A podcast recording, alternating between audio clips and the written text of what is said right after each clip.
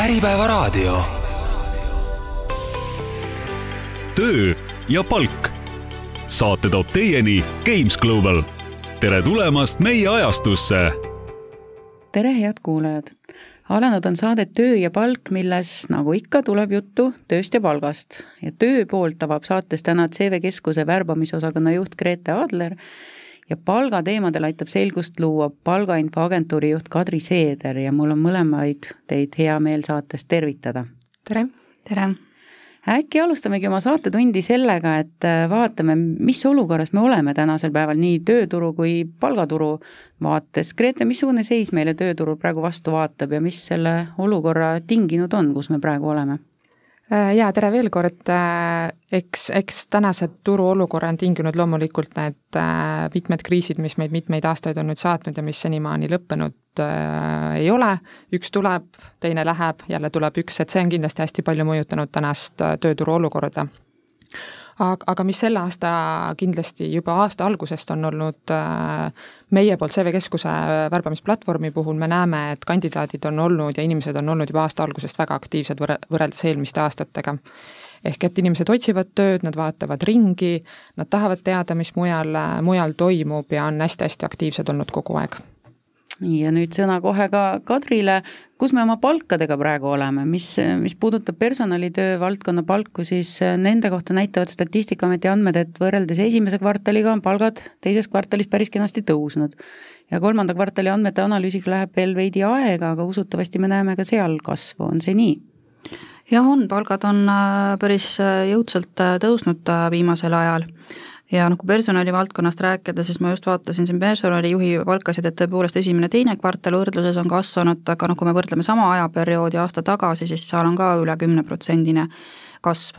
ja nii on äh, paljudel teistel ametitel ka, et äh, tõepoolest palgad on kasvanud, mis samal ajal muidugi ei tähenda seda, et kõikide töötajate palgad on kasvanud, et ikkagi on siis neid organisatsioone, kes on korrigeerinud ainult osade gruppide palkasid ja samamoodi võib olla see palgatõus ka individuaalne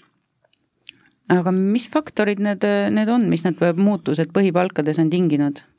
no peamiselt ongi see, et äh, suurema turujõuga ja suurema töötajate arvuga organisatsioonides äh, on tavaks ikkagi kas aastas korra või, või viimasel ajal on ka näiteid, kus kaks korda aastas vaadatakse põhipalgad üle ja korrigeeritakse neid ja ikkagi peamiselt ülespoole äh, ja, ja siis saavad tavaliselt ka ikkagi kas kõik töötajad või suured töötajate grupid saavad sellest palgatõusust osa siis on äh, töökohavahetused, kuna töötajad tavaliselt ikkagi äh, vahetavad töökohta parema palgapakkumise, töötasu saamise tõenäosuse pärast, siis äh, sealt tulevad ka nii-öelda need palgatõusu näited. Aga lisaks on siis, kui me räägime keskmisest brutokuupalgast, siis seal on kindlasti veel sellised turumõjurid, näiteks alampalga tõus, mis on ju sellel aastal, aasta algusest jõustunud, järgmine aasta täpselt samamoodi, ta mõjutab alama madalama palga saajaid ja seeläbi ka juba järgmiste tasemete palkasid. nii et ta keskmise palka kindlasti mõjutab, lisaks suuremad töötajate grupid, et kui meil õpetajatel palgad tõusevad, neid on äh, päris palju, siis see mõjutab ka keskmist palka. ja lisaks muidugi ka see, et kui me näeme, et praegu äh, töökohti kaob, äh, siis tavaliselt need on madalama palgaga töökohad ja, ja tänu sellele on siis kõrgema palgaga töötajaid tööturul rohkem ja ka keskmine palk kõrgem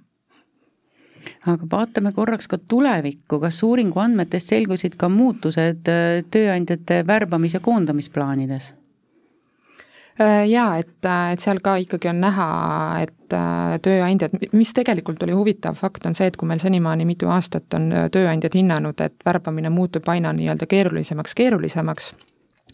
et, et on neid õigeid inimesi raskem leida, siis nüüd see viimane tegelikult on näidanud see, et see protsent on madalamaks läinud, et tööandjad pigem näevad, et neil on inimesi lihtsam leida. mis ka kõike seda, mida just ka Kadri rääkis ja mis ka muud uuringud on näidanud, mis tegelikult on loogiline, kui meil on ühel tööpakkumisel rohkem kandidaate kui varem, siis on ju ka tööandjal lihtsam seda valikut teha, et, et mis iseenesest ju tööandja vaatest on hästi positiivne uudis, et tal on tulevikus lihtsam inimest leida et ja, ja ma arvan, et seetõttu on ka, kui prognoosi vaadata, et siis tegelikult ma arvan, et ongi õige aeg värvata just nendel ettevõtetel, kes, kes saavad seda teha, kes saavad seda endale lubada. sest et täna, täna sa saad selle, sul on nii-öelda viie hea kandidaadi asemel võib-olla kümme head kandidaati ja pluss sa oled täna ka tegelikult eelisseisus selle valiku tegemisel ja tingimuste läbirääkimistel. et ja kui vaadata ka nüüd tagasi, siis ka kindlasti koondamisi on rohkem olnud, kui ma nüüd õigesti mäletan, Kadri saab siin kindlasti täpsustada numbrite poole pealt, siis prognoositi vähem selleks aastaks koondamisi, kui neid tegelikult oli. ja, ja ma arvan, et ka äh, järgmine aasta on veel selline, et me pro-, prognoosime ühte, aga, aga me täpselt veel ei tea, sest me endiselt ei taha küll öelda, me oleme täna sellises olukorras, kus seda teadmatust on väga palju ja niisuguseid pikki prognoose tegelikult ei ole mõtet teha, sest et Eesti turg on nii väike ja, ja reageerib kõigile muutustele väga kiiresti, et, äh, et niisugune ma ütleks, et kaks kuud umbes võime ette vaadata, siis me saame kindlad olla, et me vaatasime õigesti ette. sealt edasi mina julgeks öelda, et see prognoos läheb nii, nagu me mõtlesime. ja nii, et kenasti aasta lõpuni julgeme natukene siin pilku heita. Kadri, kuidas palga poolelt? palga poolelt äh, on näha seda, et äh, sel aastal olid ikkagi suur osa siis suurema töötajate arvuga organisatsioone põhipalkasid tõstnud ja, ja see tõus oli seal üheksa-kümme protsenti, noh seda, mida meile näitab ka tegelikult keskmise brutokuupalga statistika. Aga nüüd äh, järgmiseks aastaks, äh, seal on eelmise aastaga võrreldes vähem neid, kes põhipalkade tõusu prognoosivad ja neid, kes on kindlad, et nad ei tõsta palka, neid on jälle rohkem võrreldes äh, eelmise aastaga. nii et selles mõttes ähm, jah, on neid organisatsioone siis, kes on kindlad praegu, et nad põhipalkasid tõstavad mitte nii palju enam. ja see põhipalkadega kasvutempo ei ole enam selline, et on küll ka neid, kes jätkuvalt üheksa-kümneprotsendilist äh, tõusu planeerivad, aga samas ikkagi on ka neid, kes on viis, kuus, seitse, kaheksa või isegi väiksem ja erand on siis need suuremad palgatõusud. Muidugi seal sõltub hästi palju ka sellest, et mis on seal organisatsioonis äh, nii-öelda all olnud, et kas see eelmine aasta on palkasid tõstetud, kas sel aastal on tõstetud, et kuidas selle äh, turule nagu järgi võetakse. ja muidugi noh, mida palju on räägitud, et äh, mis see töötajate ostujõud ikkagi teeb, et, et kas ta nüüd lähiaastate perspektiivis tuleb reaalpalga kasv sarnane või, või suurem kui siis tegelik nii-öelda me näeme seda statistika, statistilist palgakasvu aga missugune selle kõige mõju võib olla töötajate siis palgaootustele ja pakkumistele? no praegu, nagu Grete ka ütles, et kandidaate on rohkem ja see tähendab seda, et, et kui tööandjal on neid, nii-öelda natuke hakkab järjekord ukse taha tekkima, et siis see jõupositsioon on rohkem tööandja poole kaldu, et kui ta siiani on olnud töötaja poole, et äh, töötaja tuleb, esitab oma nõudmised, siis äh, nüüd on jah, pigem see olukord hakkab vastupidi pöörama ja eriti need inimesed, äh, kes on äsja koondatud, kes on tööturul tegelikult aktiivsed ja ellujäämise pärast on noh, nii-öelda valmis ka kohe tööle asuma, nad ei mõtle, nad ei pea läbi rääkima oma praeguse tööandjaga, siis sealt ilmselt nad on ka nõus korrigeerima oma palgaootust. sest kui me võrdleme näiteks hõives olevate inimeste palgaootust ja neid, kes ei ole hõives, siis seal on päris suured erinevused. ja samamoodi töö töötingimuste osas. et äh, kui sul valikuvõimalusi töökohtade mõttes väga palju ei ole, siis võib-olla sa teed ka mööndusi nii, aga Grete, saad sa kommenteerida ka tööportaali poolt, kuidas, kuidas seal aktiivsus muutunud on, et nii nagu Kadri mainis, näitab ka möödunud nädalal ilmunud CV Online'i tööturu monitooring, et tööpakkumiste arv on langenud ja, ja see tõesti viitab justkui olukorrale, et tööturul on toimunud kannapööre ja tööotsijad on, on, tööotsijaid on tööturul rohkem kui tööpakkumisi. ja sama tendents nähtub ka Palgainfoagentuuri ja CV Keskuse hiljutisest uuringust ja tööandjate hinnangud tööturu olukorrale on samuti muutunud ja seda enam nii keeruliselt ei nähta, nagu me just, just ka veendusime. et mis seal tööjõuturul toimumas on ja mis võiks, mis võiks selle kannapöörde põhjus olla? ma ütlen nii-öelda hästi ausalt, minu, minu jaoks täna ma ei näe, et ole, et seda kõike, mis praegu toimub, saab nimetada kannapöördeks, eks ju, et kannapööre minu jaoks on seda, et äh, hästi järsku mingi muutus, eks ju, aga tänane muutus on ikkagi jälle olnud natukene selline pikaajalisem, eks, et äh, kõikidest nendest varasematest aastast, aastatest tulenevalt, et kandidaat on olnud aktiivne, äh, tulenevalt kriisidest nende toimetulek on vähenenud ja siis sa teed ikka silma lahti ka olemasoleval töökohal, et vaadata, kas mul on mujal võimalusi. ehk et mina tänast olukorda nii-öelda veel selliseks kannapöördeks ei nimetaks. aga jah, sellega ma olen nõus, et äh, et see kandidaat, üks on see kandidaatide aktiivsus ja kandidaatide arv ühel tööpakkumisel, et see on tulenevalt sellest ühelt poolt, et tööotsija ise otsib rohkem, kandideerib rohkem ja teiselt poolt on ka see, et jah, tööpakkumisi on täna vähem. aga ma arvan, et seal on jälle taga see, et tänaseks on tööandja natuke, aasta lõpp on, eks ju, me oleme võib-olla mingid rahad ära kasutanud, me oleme mingid otsused ära teinud, et ma olen lihtsalt ettevaatlikum. et kas mul on mõistlik täna panna see töökuulutus äh, üles, tööpakkumine välja, või ma tegelikult vaatan, mis aasta lõpp toob, kas ma teen oma asjad täis ja kas ma saan järgmisel aastal siis investeerida. ja samamoodi seda ju mõjutab ka see, et äh, mida Kadri varem välja tõi, et et, et kui palju me tegelikult otsime uusi, uutele ametikohtadele inimesi ja kui palju vajab asendamist, ehk et ma arvan, et siin on ka väike seos selles, et kriisiolukorras jälle, vabandust, et ma seda mm. sõna nii palju kasutan, aga ikkagi ettevõtted vaatavad rohkem äh, otsa sellele, kuidas nad täna toimetavad. kui efektiivsed nad on, äh, kas tänasest äh, nii-öelda olukorda saab ümber vaadata ja pigem siis teha töö ümber ja mul ei ole nii palju uusi ametikohti vaja ja, ja pigem saan selle olemasoleva meeskonnaga hakkama, et ma arvan, et siin on väga-väga palju selliseid pisikesi faktoreid, mis tegelikult selle olukorra tekitavad ja seetõttu mina ei ütleks, et täna on nagu tegemist mingisuguse kannapöördega, et tööturu olukord oluliselt või järsult on nüüd muutunud. et see on pisisammu haaval lihtsalt teinud oma korrektuurid. et pigem selline stabiilne liikumine lihtsalt, jah ja ma tahaks siia veel lisada, et kui me vaatame seda äh, trendi, et mis põhjustel töösuhteid lõpetatakse, siis tegelikult seal ei ole mingisugust äh, noh, hirmsat koondamist ja hüpet. ikkagi on esikohal poolte kokkuleppel ja töötaja algatusel ehk siis meil ikkagi on seda vabatahtlikku voolavust päris palju ja siin on tööandjatele kindlasti ka see äh, võib-olla peeglisse vaatamise koht, et kui palju ma oma inimesi siis suudan hoida. ja praegu ütleme, kui pigem need meeleolud jah, lähevad ebakindlamaks, äh, noh siis võib arvata, et ehk need äh, töötajad ei ole ka enam nii aldis, noh siis hõives olevad inimesed just, et ei ole nii aldis kohe mingi veidi parema pakkumise pärast töökohta vahetama, et hinnatakse seda stabiilsust jaa, et äh, personaliuudiste portaalist käib ka läbi jah, tõesti ähm, suur hulk neid koondamisinfot või koondamist puudutavaid artikleid, et, et tegelikult on hea teada, et see olukord nii, nii hirmus ei ole, et eks meedia natukene võib-olla võimendab seda ka võib-olla aga, aga jah, mulle tundub, et see on ikkagi väga tänuväärne, et meie tööturul toimuval sedasi pilk peal hoitakse ja seda monitooritakse erinevate uuringute ja küsitluste abil. Ja ja ma, miks ma seda räägin, räägin sellepärast, et just eile potsatas minugi postkasti järjekordne palve vastata siis töö ja palgaga seotud küsitlusele, mis on seekord suunatud töötajatele. Ja Kadri, kas sa räägiksid sellest lähemalt? Jah, hea meelega, tõepoolest kümnendat aastat järjest siis äh, Palgainfoagentuur ja, ja hea koostööpartneriga CV Keskusega sellist äh, tööturu jälgimist teeme. ja äh, see, sel aastal jah, tõepoolest jälle käivitame uue uuringu, tavaliselt meil ongi seal töötajate poolt vastajaid kuskil kümne tuhande ringis, nii et see on nagu suurima vastajate arvuga üldse küsitlus Eestis ja lisaks palkadele, tööturu käitumisele, siis sügiseti me vaatame ka seda, kuidas soodustuste paketid on muutunud. ja see on praegu, mille kohta ka meilt on üsna palju küsitud, et kuna äh, soodustused on muutunud kallimaks, tööandja jaoks. Ja, ja samal ajal töötajate ootused kasvavad, siis otsitakse kindlasti äh, neid kokkuhoiukohti ja ka seda, et kuidas paremini neid sihistada, nii et seda me seekord vaatame hästi niimoodi lähedalt. Ja muidugi ähm, vaimne tervis on teine märksõna, mis on ka nüüd teist aastat meil äh, niimoodi tõsiselt luubi all, et mida sel teemal tehakse, millised on töötajate ootused, mis asjad paremini toimivad, et see on äh, siis jah, nende, äh, selle küsitluse fookuses. ja novembris saab vastata, nii et kutsun kõiki oma panust andma. Ja, ja tulemused? Tulemused tulevad detsembris ja need on siis kõik vastajatele saadavad, et äh, saab sellise põhjaliku ülevaate, kohe saab vaadata keskmisi ja mediaanpalkasid äh, üle neljasaja ametikohta, nii et me soovime vastu pakkuda ka sellist head turuülevaadet äh, pluss palgainfot.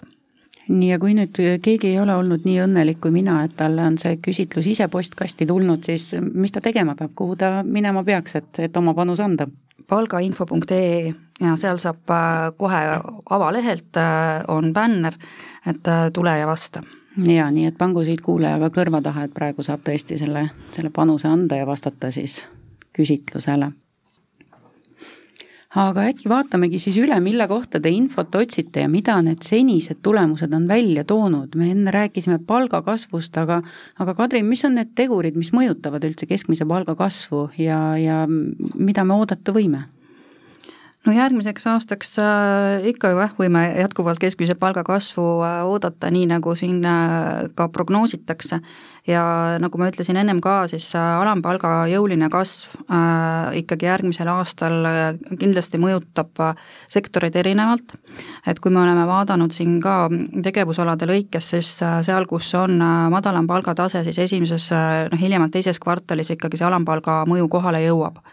ja, ja teiselt poolt siis, äh, mis võib-olla seda äh, noh, seda kasvu pidurdab, et et kui paljud nüüd ettevõtted äh, näiteks preemiaid maksavad ja kui palju siis tõesti põhipalkasid korrigeerivad, nagu me nägime, siis seal sellist optimismi ei ole nagu varasemal, varasematel aastatel ja nagu ka jutuks jah, oli, et tööstus siin koondab äh, teised tegevusalad ka ja, ja keda seal koondatakse, et kas juhte või, või oskustöölisi, siis ilmselt me vaatame ka seda tööturustatistikat, siis ikkagi on need tavalised oskustöölised. Teenindajad, kui meil jääb ostjaid vähemaks, siis see mõjutab ka kaubandust ja nii edasi, et kõik on omavahel seotud. Ja sealt me võime arvata siis, et et keskmine palk ka selle mõjul võib tegelikult pisut tõusta, et meil neid madalama palgaga töid jääb vähemaks paremaks ja muidugi riigisektor, et ähm, sel kevadel me nägime, kui riigisektor ja, ja teistpidi ka õpetajad, äh, päästjad, et kui seal nendes gruppides on väga jõuline palgakasv, nagu sel kevadel oli, siis see mõjutab paratamatult ka keskmist palka, sest äh, nii-öelda palgasaajate seas on need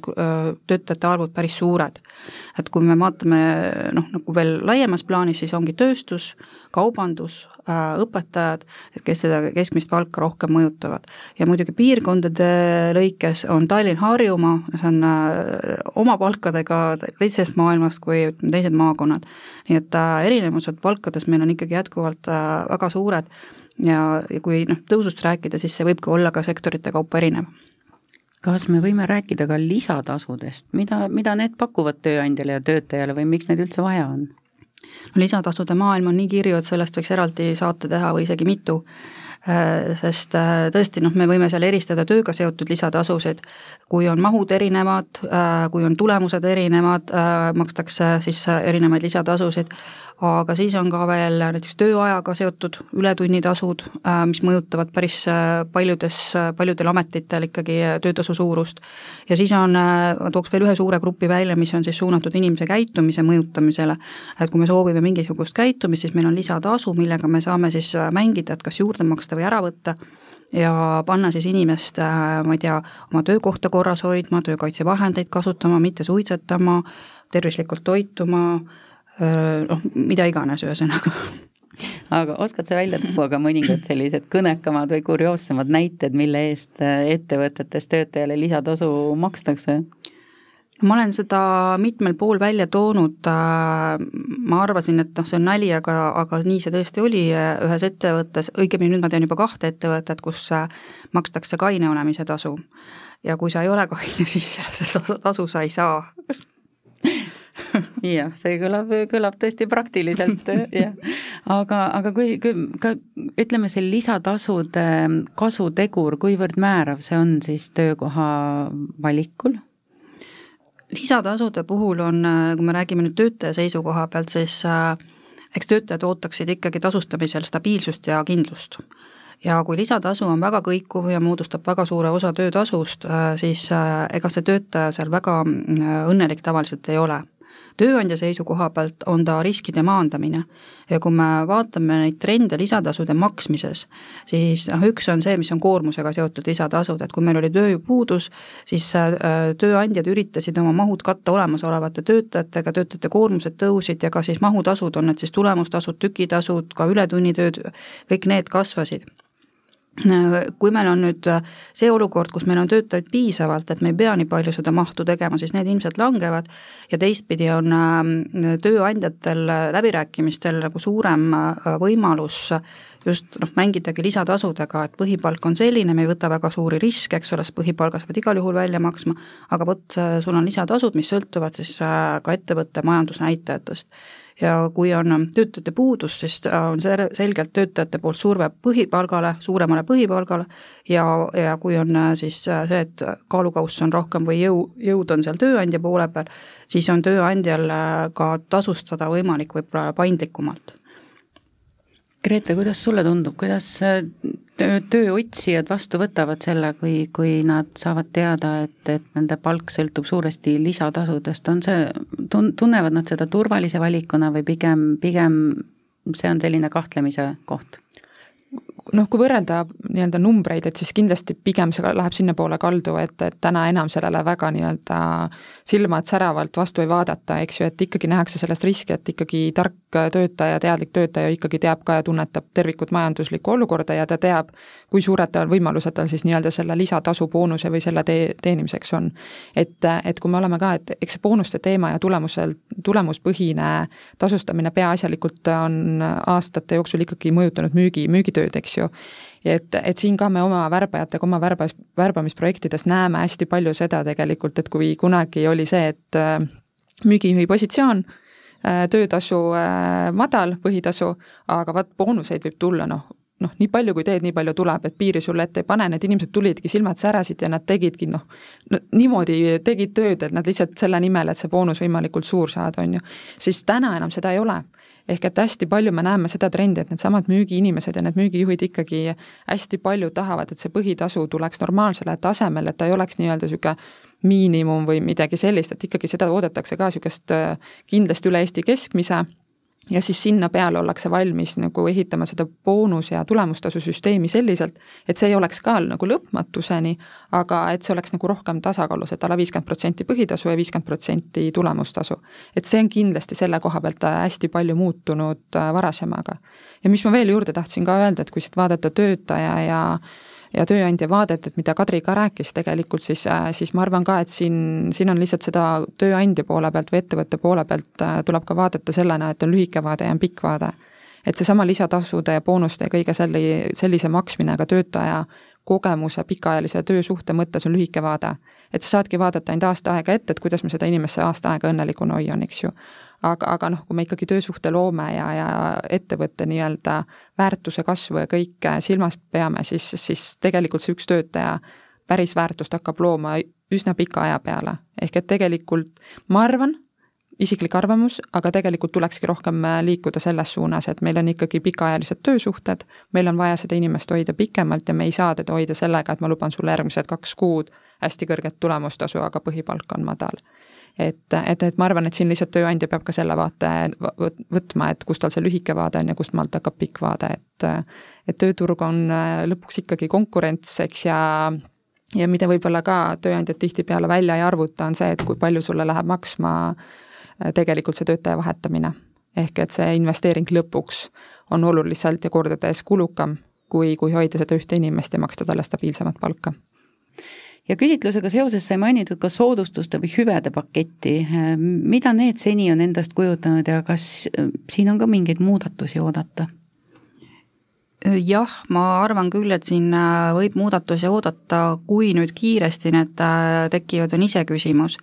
kui me praegu nii ajas tagasi vaatame, siis kindlasti üks tegur, mis palju muudatusi kaasa tõi just töökorralduse osas, kõik me teame, tervisekriis, kaugtöö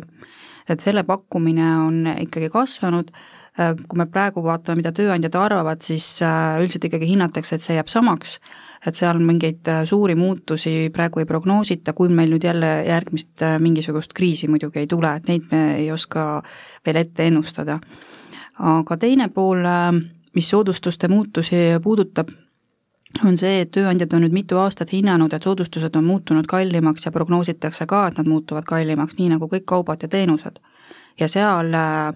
ilmselt kogu selles ka majandusolukorra valguses hakatakse otsima äh, kindlasti ka kokkuhoiukohti. et kui meil on väga palju soodustusi kõikidele töötajatele, need on väga helded, kas töötajad ka oskavad neid hinnata, sest äh, kui me vaatame tasupaketiga üldse rahulolu, siis on äh, paraku soodustused üks need, millega ikkagi suur osa töötajaid ei ole rahul. Nad kas ei tea üldse, et neid pakutakse, nende võimalused soodustusi kasutada on piiratud, näiteks on see siis seotud oma panusega, mis sa pead ka selle soodustuse kasutamiseks maksma, või on see soodustus üldsegi noh, ei kõneta sind, et sa ei ole väga sportlik inimene ja noh, seal neid põhjuseid võib olla veel, aga üks olulisemaid on see, et inimesed harjuvad heade asjadega ära. Ja neid hakatakse võtma elementaarsena ja siis kas need soodustused on noh, nii-öelda kehvad, ei, ei ole piisavalt just minu, minu soovidele vastavad ja ei osata hinnata seda rahalist panust, mis tegelikult Äh, tööandja teeb ja, ja need ei ole ju odavad lõbud, eks, mida tööandjad kinni maksavad. nii et äh, seal ma arvan, et küll äh, on juba väga mitmed tööandjad, kes on teinud selliseid tõesti ümberkorraldusi ja väga häid väärtuspakkumisi töötajatele, mis on töötajate poolt ka hinnatud, et on läbimõeldud, et ta on, vastab organisatsiooni väärtustele, on uuritud, mida töötajad soovivad ja siis ka hästi kommunikeeritud, et tõepoolest, et see on hüvede pakett, mitte lihtsalt tasuta asjad nii et äh, see, ma usun, et soodustuste osas äh, küll lähiaastate küsimus on, et et kuidas need kulud kontrolli alla saada ja samal ajal ikkagi ka teenida seda töötajate tänulikkust aga teie töötajate küsitlusest on kindlasti välja koorunud, millised hüved ja, ja soodustused töötajatele kõige rohkem korda lähevad, mida hinnatakse kõige rohkem? Seal võib välja tuua selle, et need soodustused on erilised, ehk siis neid ei pakuta massiliselt. et äh, terve hulk soodustusi, sealhulgas näiteks ka spordisoodustus, on äh, praegu saanud ikkagi nii tavaliseks, et äh, ta ei tekita mingit lisarahulolu või lojaalsust, vaid pigem ta tekitab rahulolematust, kui, kui see asi puudub et noh, mis tööandja sa siis oled, kui sa selliseid elementaarseid asju ei paku. ehk siis ta on muutunud äh, samasuguseks nagu noh, ma ei tea, normaalne toatemperatuur või valgustus, kuigi ka nende asjadega ei ole üldse mitte alati kõik korras. Äh, ja need veel häirivad kõige rohkem inimesi, et kui sul on pidevalt külm või sul on liiga palav või sul ei ole õhku või, või sa ei näe, mida sa teed, sest et on äh, kas liiga ere või liiga tuhm valgus, et, et need on ka sellised baasasjad, mida märgatakse siis, kui nad on korrast ära aga jah, nende äh, hüvede osas äh, kindlasti on, on muutused äh, toimumas ja, ja mida hinnatakse, kui sa küsisid, siis just neid erilisi. et näiteks teatripiletid noh, mida väga vähe pakutakse, aga kui sul on tõsine teatrihuviliste kamp ikkagi seal äh, kohapeal, siis äh, seda väärtustatakse, et, et noh, nii-öelda märgatakse neid huvisid. ja isiklikke, et no ma saan ametiautot isiklikuks otstarbeks kasutada, mul makstakse kuskil ööbimised kinni, et sellised noh, mis on minu nagu inimesena äh, hüved, et neid äh, hinnatakse, aga neid üldiselt harva pakutakse. no aga jällegi küsin, nii nagu äh,, nagu lisatasude puhul, et äh, tuleb sulle pähe, mis on sellised põnevamad Äh, hüved, mida tööandjad äh, pakuvad? Äh, jah, ütleme niisugustest erilisematest, ähm, ütleme see, ütleme ta on jah, eriline, seda väga paljud ei, ei kasuta, aga mis oli küll töötajate poolt väga hinnatud, on kolmeteistkümnes palk ehk siis üks lisa, üks palk lisaks, mis on väga selgelt, eks ole, rahaline ja, ja töötaja teeb selle eest, mis ta tahab. nii et, et see on üks ja üks selline veel Äh, mis mul meelde tuleb, et et kui toetati äh, õppeedukust, äh, laste õppeedukust, ja noh, see oli seotud ettevõtte väärtustega ja, ja ka seda töötajad hindasid, et sellised noh, hästi läbimõeldud ja just jah, nende töötajate vajadustega arvestavad soodustused on, on need, mida, mida rohkem hinnatakse ja kuna nad on just ka hästi kommunikeeritud, et, et tööandja peab ka rääkima sellest. Äh, mis ta pakub, mitte et see ei ole noh, lihtsalt mingi nimekiri kuskil seinal. nii, Grete, sinu info pärineb nüüd tööotsijatelt endilt Äh, jaa, et, et ma jätkan siit lihtsalt mhm. sellest samast asjast, et äh, mis Kadri just ütles, et kui see nii-öelda hüvede ja soodustuste list on juba seinal, siis see minu arust on äh, tööandja olnud juba päris edukas. ehk et tihtipeale kirjutatakse neid motivatsioonisüsteeme ja hüvede süsteeme nimekirju sahtlisse. ja siis imestatakse, et ettevõte teeb nii suuri kulutusi, aga, aga keegi neid ei kasuta. ehk et ma arvan, et see on üks asi, kui mõni tööandja kuulab, et, et pane kas või seinale et sellest juba piisab, et sul, sa saad rohkem infot selle kohta, mida tegelikult tahetakse, mida kasutatakse. aga, aga võib-olla ma tulen siin tööotsijate poolt äh, selle kaugtöö juurde, mis oli äh, jutu alguses et, et see on niisugune hästi, hästi huvitav teema, väga palju eriarvamusi nii tööandjatelt kui tööotsijatelt, aga mida meie täna oleme oma tööotsijatega suheldes märganud, on see, et see töö, kaugtöö ja paindlik tööaeg on asi, mida alati küsitakse.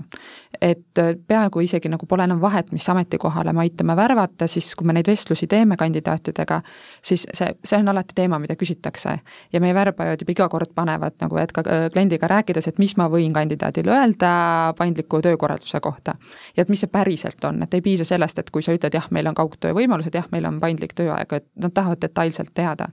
teine teema siin asja juures on see, kui palju seda tegelikult kasutatakse. ehk et mina olen viimasel ajal märganud seda, et see ootus on olemas ja see tea-, et ma pean olema teadlik, et mul on see võimalus, aga ma ei pruugi seda kasutada. et, et see on minu jaoks nagu hästi huvitav, sest see kaugtöö ja sellest on nii palju räägitud, et kõik tahavad kodus töötada, ma tahan töötada seal, kus ma olen, aga kui me päriselt hakkame kaardistama seda, kui paljud siis tegelikult käivad kontoris ja kui paljud tegelikult tahavad kaugtööd kasutada, siis see päris, päris nii paljud ei kasutagi et, et see on minu jaoks hästi-hästi huvitav asi ja, ja, ja seda nagu peaks tööandja kindlasti silmas pidama, et siin hästi korrektselt kas on lubatud, ei lu-, ole lubatud, kui palju sa saad olla kaugtööl, kas kogu aja valid ise või sul on mingid reeglid, näiteks kolm pluss kaks. et see selgus, mida ka tegelikult Kadri oma, oma kommentaarides ütles, et see info ja kommunikatsioon, et see peab olema tehtud, et inimene päriselt teaks, mis see tähendab ja ei tuleks tööle asumisel üllatusi. Ja Kadri soovib lisada? jaa, selle kaugtöö ja, ja paindliku töökorraldusega seoses ma arvan, et siin on märksõna iseseisvus teadmine sellest, et ma saan ise korraldada oma töökohta, töö asukohta ja tööaega, et mul on äh, just see isikliku eluga klapitamise võimalus, sest tegelikult tööandjal on väga keeruline öelda, kuidas nüüd töö ja isiklik elu peaks noh, nii-öelda sobima, sest igalühel on täiesti erinev see isiklik elu, et kes tahab hommikul ujumas käia, kes, kellel on vaja lapsed äh, lasteaeda viia või kes peab koeraga jalutama, kõigil ongi need vajadused erinevad ja lähevadki järjest eri, eri, erilisemaks et selles suhtes ma arvan, et see ootus on just äh, sellele, et ma tean, et, äh, et tööandja noh, lubab mul iseseissev olla oma töökorralduses ja ma ka vastutan siis selle eest ise. et, äh, et selle, selle koha pealt ma arvan, et see suund ikkagi jätkub, et ja kaugtöö on tulnud selleks, et tõesti jääda ja see vabadus töötada kontoris, noh, on samasugune vabadus nagu töötada kodus, et ma saan valida ja vot see on tähtis. aga nende soodustuste osas ma tahtsin veel Äh, öelda, et äh, kui me siin organisatsioonide sees oleme selliseid arutelusid ja seminare teinud, et siis ja vaadanud ka, analüüsinud soodustuste pakette, et siis äh, sageli ütleme, sellised noh, tavapärased soodustuste paketid ongi seal, kui me räägime nagu sellist klassikalisest vajaduspüramiidist, nad on seal toimetuleku rea peal, me räägime seal küll transpordikulude kompensatsioonist, siis veel mingisugustest kuluhüvitistest, kuluhüvitised on nagu hästi aktuaalne teema praegu aga noh, me tegelikult räägime toimetulekust, et me aitame mingisuguste hüvede, soodustustega inimestel toime tulla, toime tulla näiteks ka erilises olukorras, kui on lapse kooliminek või on mingi äh, matused või pulmad või, või veel midagi ja, ja võib-olla järgmine level on siis see, et on turvalisuse teemad, eks ole, et meil on töökeskkond korralik, meil on töövahendid äh, sellised, mis tõesti tagavad äh, töötaja tervise säilimise, noh tänasel päeval hästi küsimus, kas ka vaimse tervise. see on omakorda seotud sellesama tööaja paindlikkuse ja töökoormusega, ka lisatasudega, et kuidas me hoogustame seda noh, nii-öelda täie, sada protsenti või sada kakskümmend protsenti jõudlusega töötamist ja järgmine küsimus on see, et aga kui paljud äh, tegelikult need hüved ja soodustused on meil suunatud sinna inimese enesearengule. sest äh, ikkagi tippspetsialisti tase, keda meil on järjest enam tööturul, äh, nemad hindavad reeglina neid just erialase arenguga seotud hüvesid, ka kuidas meil on koolitustel käimine korraldatud, kuidas töö sisu toetab minu arengut, kuidas juht seda toetab ja need ei ole tegelikult ju nii otseselt nagu rahalised kuivõrd töökorralduslikud ja, ja selle töö, töö sisu osas juhtimise kvaliteedi teemad, et kui palju on nendele mõeldud ja kuidas neid osatakse ka just nimelt organisatsiooni sees kommunikeerida ja väärtustada, sest äh, need inimesed, kes on emotsionaalselt tugevalt oma tööga seotud, kelle jaoks töö on kutsumus, need väärtustavad eelkõige seda, et neil on seal töö juures loodud keskkond, kus nad saavadki siis oma potentsiaali rakendada ja edasi areneda. et see seob neid organisatsiooniga mitte see, et sa saad seal korra kuus bensu tankida. Aga tuleme korra tagasi ikkagi selle kaugtöö juurde, sellega on veel üksjagu segadust, et osa ettevõtteid, näiteks äh, Testlio möödunud nädalal saadab kogu meeskonna kaugtööle, osa jätab selle töötaja otsustada, kus ta töötab, osa lubab kodukontorit, aga pika hambaga, ja, ja osa kavandas juba kevadel kõik töötajad kontorisse tagasi, et nad seal kenasti silma all oleksid, et kuidas teile tundub, missugune trend lõpuks peale jääb? Ma, ma võin omalt poolt seda kommenteerida, et ma arvan, et see kaugtöö teema kindlasti ei võta niisugust ühe, ühtle, ühtset kindlat suunda. see sõltub lihtsalt niivõrd palju organisatsiooni tegevusest, kas on võimalik äh, teha kaugelt, ei ole võimalik kaugelt, kas, kus sa teed seda efektiivsemalt, kus sa nii-öelda kindlustad endale selle keskkonna, et sa saad keskenduda et kindlasti see sõltub väga palju ettevõtte juhtidest, ettevõtte juhtimiskultuurist, mis viib selleni, et kas me usaldame oma töötajat. ehk et siin ei saagi kindlasti, ma arvan, et see jääbki segaduseks. et me võime aasta pärast uuesti sellest rääkida ja me oleme samas seisukorras. et see on hästi ettevõttepõhine otsus ja see sõltub sellest, millised on ettevõtte juhid ja millised inimesed sinna tööle võetakse või millised inimesed seal juba tööl on. ja, ja jah, et siin ma arvan, mingit niisugust ühtset, ühtne trend on see, et segadus jätkub aga kuidas, kuidas see juhtide hoiakud on muutunud, kas koroonapandeemia pani nüüd aluse natuke sellele arusaamale, et, et töötajad teevad siis ka tööd, kui nad ei ole sul silma all ja tegelikult saab seanahka vedada ka, et nii üle laua istudes? jaa, suures pildis võib öelda, et tegelikult, et see oli selle nii-öelda tervisekriisi üks väga positiivseid mõjusid. ehk et tegelikult väga paljud tööandjad, kes seda ennem ei usaldanud või ei julgenud riskida või ei tahtnud proovida, nad nägid, et see tegelikult toimib ja, ja, ja nägidki, et inimesed võib-olla isegi oma kodukontoris või kaugtööd teevad äh, isegi tulemuslikumalt, sest nad on selles keskkonnas, kus neil tegelikult on kuidagi enda jaoks hästi mugav olukord tekitatud ja nad teevad paremaid tulemusi. jah, nagu ikka me teame, ka sellises olukorras on oma riskid, sest need tublid töötajad, kes lähevad nii-öelda äh, töö sisse, nad lähevad sellesse nii-öelda drive'i selles töös, siis nad unustavad ennast ära, eks ju, mis, mis on teistmoodi äh, risk, eks ju, et, et sa põled läbi, unustad süüa, unustad juua, avastad homme õhtul, et oled terve päeva istunud, eks ju, et, et seal on omad riskid ka. aga ma arvan, et suures pildis on see, et see oli nagu töötajatele ja sellele usalduspoolele väga kasulik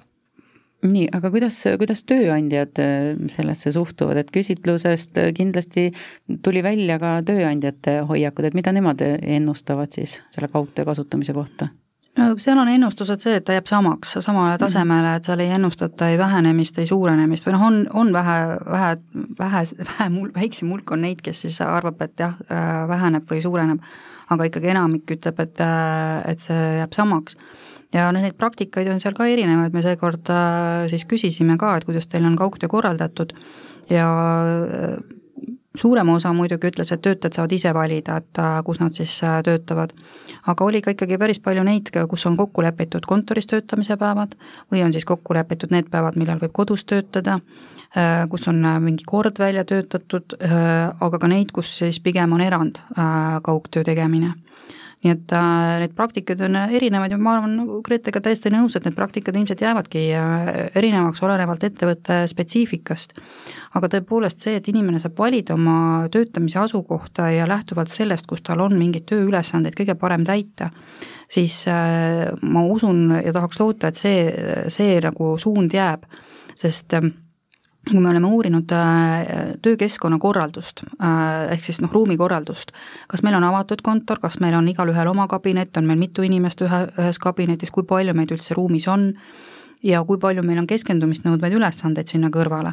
aga et äh, kui inimese tööst ütleme, seitsekümmend, kaheksakümmend protsenti tööülesanded nõuavad keskendumist ja ta töötab avatud kontoris, kus ei ole kokku lepitud see, et kes mida, äh, kes üldse segada võib, siis äh, see võib päris stressirohke olla ja avatud kontori töötajad on meil korduvate küsitluste tulemusel kõige vähem oma töökeskkonnaga rahul. Aga samas me peame arvestama, et ka kõigil ei ole kodus ideaalset töökeskkonda, et ka kodus võib olla päris palju segajaid ja see sõltubki sellest, kuidas sul on ka kodus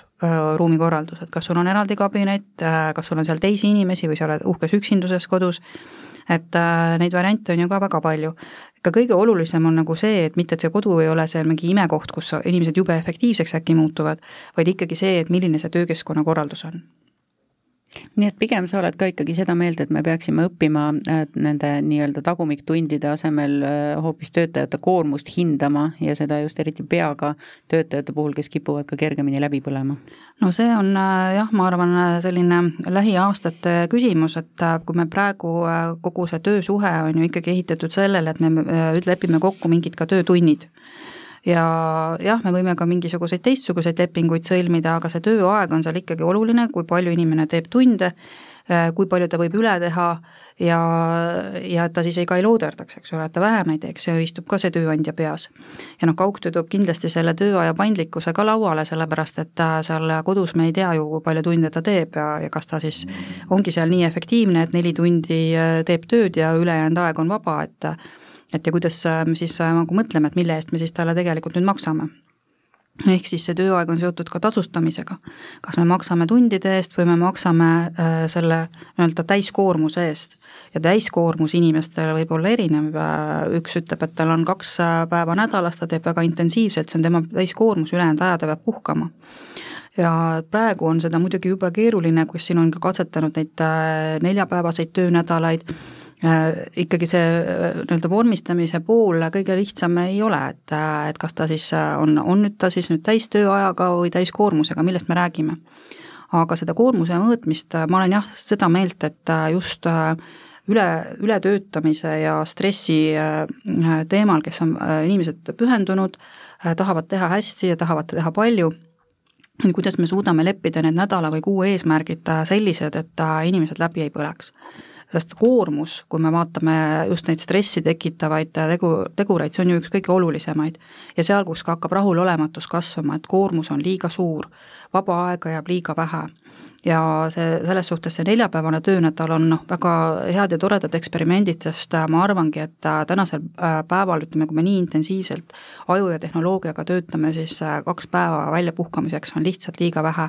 sest isikliku elu teemad on ju ka veel, Äh, noh, see lõppkokkuvõttes on niimoodi, et sa kaks päeva, eks ole, seal koristad, pesed pesu, äh, toimetad oma isiklike asjadega ja esmaspäevaks oled äh, veel rohkem rihmaks ennast tõmmanud. Nii et ja kellel on veel aiapidamine, siis äh, seda enam, eks, et äh, selles mõttes jah, koormused ja tööajad peaks üle küll vaatama nii, aga saadet ette valmistades käisid meil läbi sellised põnevad terminid nagu töökoha vahetamise tõmbe- ja tõuketegurid. Grete, mida need endast kujutavad ja mis on need faktorid, mis sunnivad inimesi töökoha vahetusele mõtlema? Äh, noh, nagu ikka, on ju,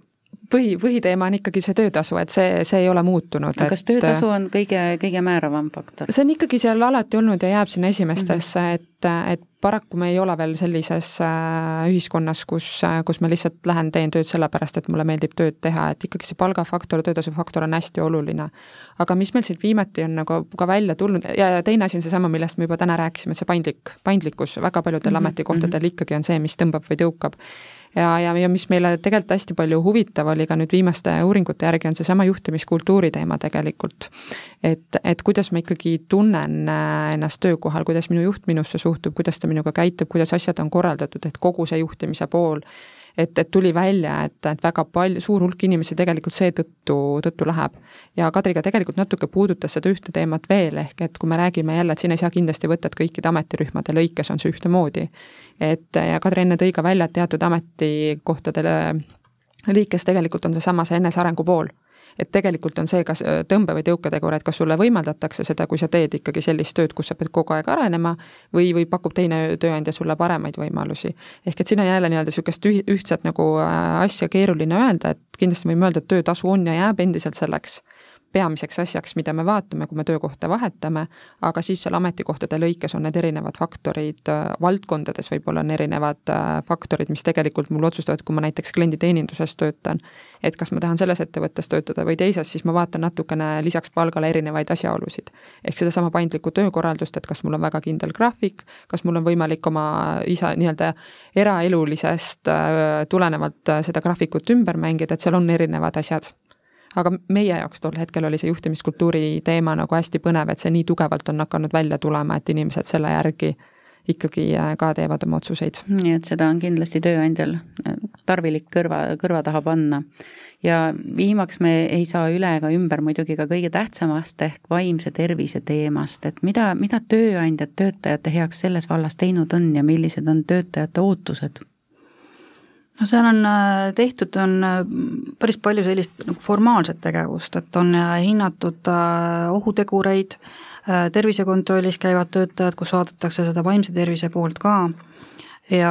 ja siis on muidugi eesrindlikumad siin ettevõtted pakuvad ka nõustamist ja on omal töötajad välja koolitatud, kes saavad reageerida, kui, kui mingi nii-öelda häireolukord on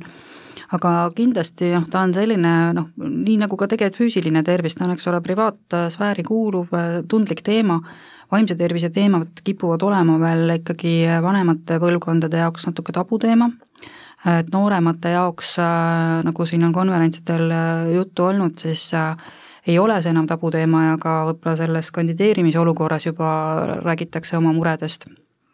et, et ja, ja need põlvkonnad, kes praegu peale tulevad, see koroonaaegne koolilõpetajad, kes turule sisenevad, et seal on seda ärevust ja ja sellist ähm, vaimse tervise muresid äh, palju rohkem. ehk siis tööandjad tegelikult äh, saab järjest igapäevasemaks, et sul ongi äh, erinevate ärevuste, häirete, eripäradega inimesed tööl ja see on uus normaalsus, et nagu siin psühholoogid ütlevad, et neid, kas neid varsti üldse enam diagnoositakse, sellepärast et noh, see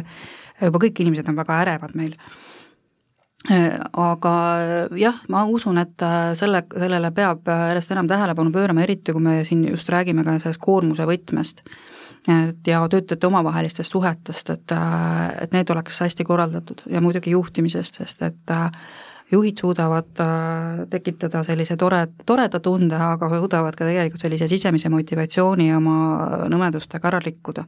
et äh, see inimsuhted töökollektiivis äh, on ikkagi selle vaimse tervise üks alustala ja inimlik suhtumine, et meil oli väga palju vabasid vastuseid ja just see inimlik suhtumine oli see, mis sealt välja toodi ja, ja ma tahaks siitpoolt jälle ka välja tuua, mis minu arust eelmine kord meil ka tuli välja nagu sellena, et äh, tihtipeale nagu tööandja arvab, et tal on kõik hästi, on ju, töötasud ju tegelikult on head, soodustusi on kõvasti, meil on pikk nimekiri, me kulutame väga palju raha sellele,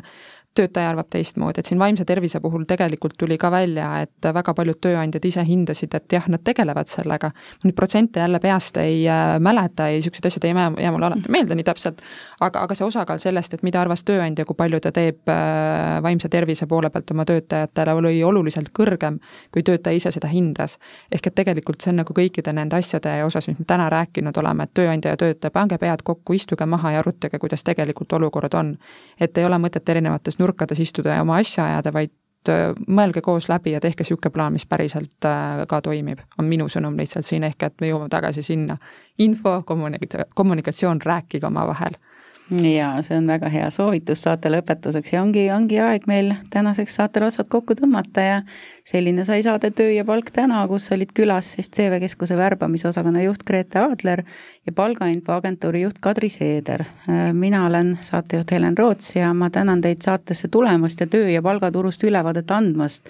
ja tänan ka kuulajaid raadiot Äripäeva lainele keeramast ja töö teemal kuuleme taas juba nelja nädala pärast. aitäh!